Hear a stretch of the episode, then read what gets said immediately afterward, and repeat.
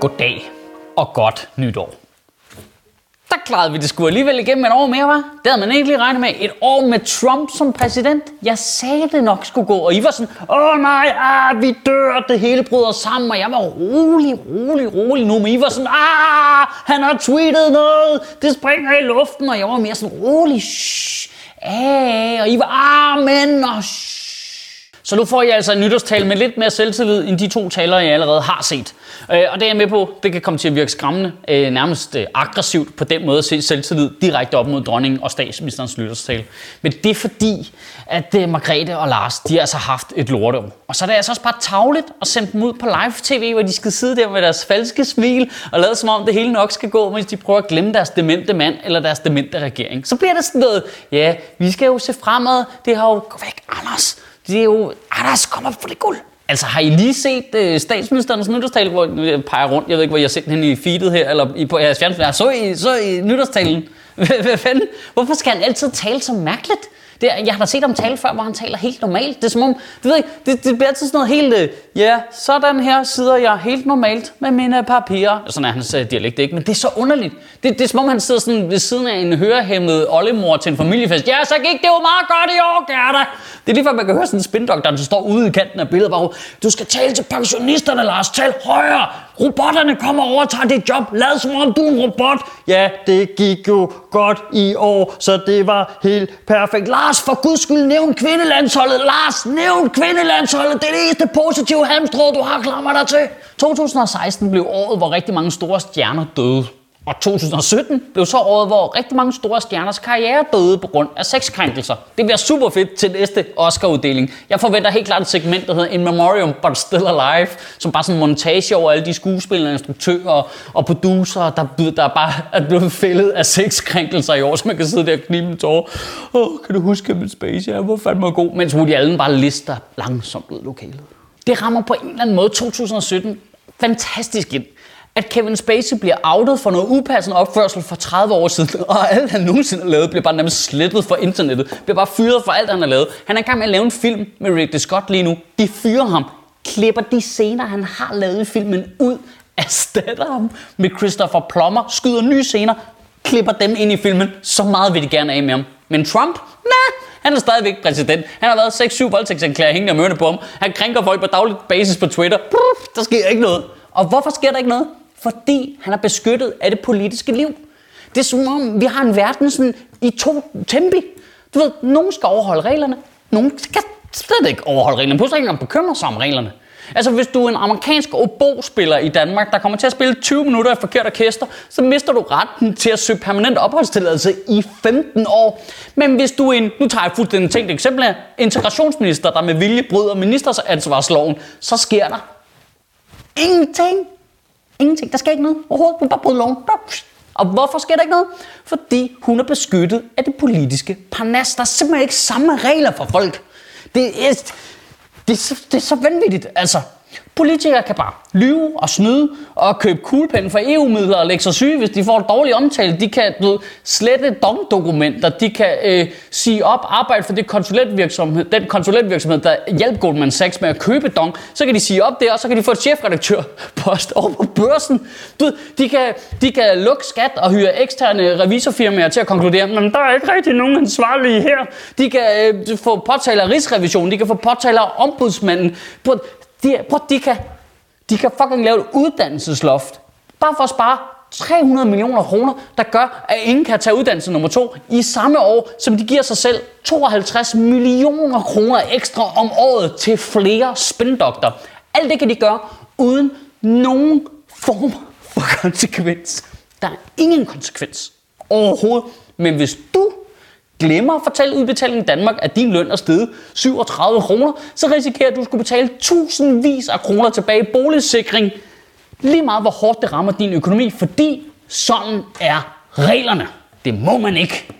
Der, der var en mand, der af kommunen fik 6 måneder til at overvinde sin kraftsygdom, ellers ville de tage sygdagpengene fra ham, fordi sådan var reglerne.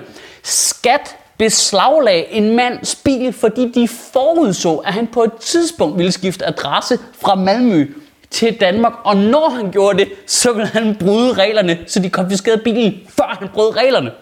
Som borger lever vi i et fuldstændig vanvittigt strafsamfund, hvor vores mindste valg kan have fuldstændig fatale konsekvenser, mens vores politikere i højere og højere grad opfører sig som sådan en form for adel, fuldstændig straffrit, bare kan gøre lige, hvad de har lyst til. Altså 2017 udmærker sig primært ved, at der ikke er nogen af os, der bare løbet ind på Christiansborg og sprunget os selv i luften. Men ellers var det et meget godt år, mor. Det er som om politikerne ikke forstår, at det er jo ligesom børneopdragelse. Børn gør jo ikke, hvad deres forældre siger. Børn kigger på, hvordan deres forældre opfører sig, og så kopierer de jo det.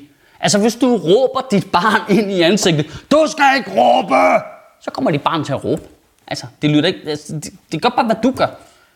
Det er derfor, det er derfor at hyggeleri er vores suveræn værste fjende. Det er sådan, det, det, det er gift for alle vores diskussioner. Altså, hvis vi gerne vil have, at folk skal betale deres skat, så skal vi sørge for, at der ikke er kæmpe store skattelyhuller i vores system igen og igen. Altså, det, det, det er sådan, vi, du, kan ikke, du kan ikke gøre begge ting samtidig. Det er gift for integration. Det er gift for integrationen, at alle politikere på hele det politiske spektrum går fuldstændig agurk. Hvis en eller anden perifær imam, han slår en fis i det forkerte toneleje, men når en ny undersøgelse viser, at 8% af de danske folkekirkepræster er imod kvindelige præster, og 20% af dem nægter at vi homoseksuelle, så er der bare musestille bare. Det der hyggeleri, det er det værste. Kan du ikke engang bare vælge en holdning, og så bare have den? Jeg, jeg kan simpelthen ikke forstå det. Vores, vores kirke- og øh, kulturminister, Mette Bock, sagde om de der præster, der sagde hun, vi har en meget rummelig folkekirke. Der skal være plads til alle slags holdninger. Det, prøv at, det er den samme minister. Det er det, det er det samme menneske. Det er den samme hjerne, som for 14 dage siden kritiserede en folkeskole i Græsted for ikke at tage alle børnene med ind til en kristen gudstjeneste. Så vi skal have en rummelig folkekirke, men ikke en rummelig folkeskole, eller hvad? Okay, jeg er nødt til at trække vejret. Kan de ikke selv se det, mand? Altså, kan de, kan de, kan de, kan de, kan de ikke se det? Kan de ikke, kan for helvede? Prøv det, de, de hisser sig op, fordi 20 mennesker går i burka, der skal kræfter fordømmes og lovgives, og det er det værste af hele verden, og hvad fanden foregår der også for religion?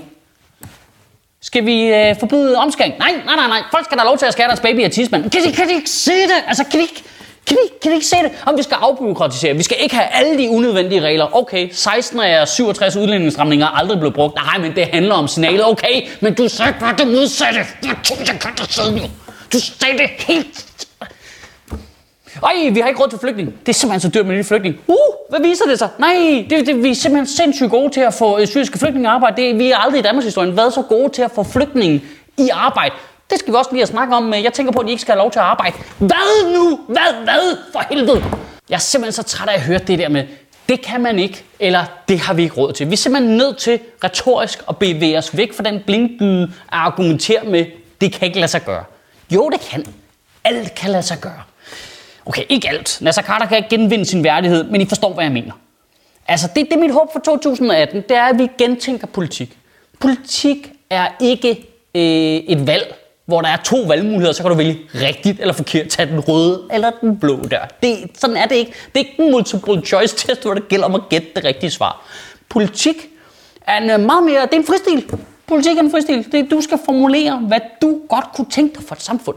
Hvad vil du allerhelst have for et samfund, vi havde? Og så skal vi som borgere eller politikere, eller hvem man nu er, så skal vi jo beslutte os for, jamen, vil vi arbejde eller argumentere for et lukket samfund, hvor vi lukker os om os selv, og vi langsomt afmonterer de privilegier, vi selv har haft, eller vil vi gerne give alle de samme muligheder videre til den næste generation? Og jeg, prøver, og jeg synes, det er helt fair, hvis du synes noget andet end mig. Hvis du bare synes, ved du hvad, jeg vil allerhelst have, at der var flere hvide mennesker her. Det kunne være fedt, hvis der primært var hvide mennesker her, og jeg synes selv, man skal betale for sin uddannelse. Fuck, hvor færre, mand.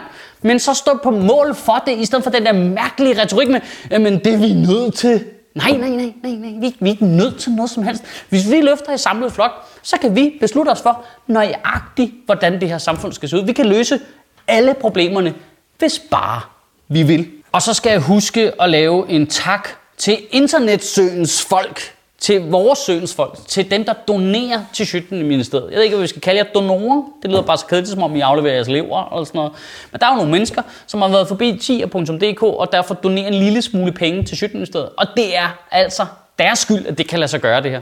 Så tusind tak til jer. Det håber jeg også jer, der ikke donerer. Det er helt okay. Men lige send en glad tanke videre til dem, der donerer, fordi det er dem, der gør, at vi kan blive ved med at lave det her. Det er dem, der gør, at vi har kunnet udvide øh, med en podcast, som vi har gjort.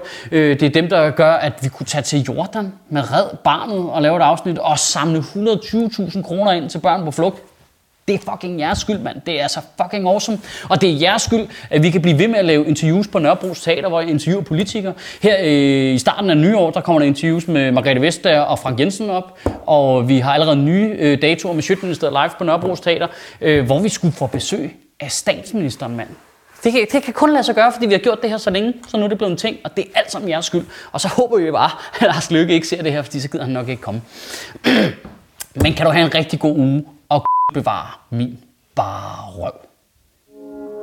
Det er egentlig ret fyldt med alt det lort, der er sket i 2017. Så, så var vores største problem stadigvæk, at det var en super kold sommer. Det er stadig det, vi har snakket mest om. Åh, oh, kæft mand, der var en lortesommer. Nej, nej, nej, hvor er det slemt. Nå, Nordkorea, ja, det var også lidt irriterende med det der. Sjøtministeriet lever af dine donationer. På tier.dk kan du oprette et donationsabonnement, hvor du giver lige præcis det beløb, du har lyst til. Og så kan vi lave flere interviews på Nørrebro Teater, flere taler, sende Sofie Flygt mere på gaden. Og hvis ikke du gør det, så er du en big shows.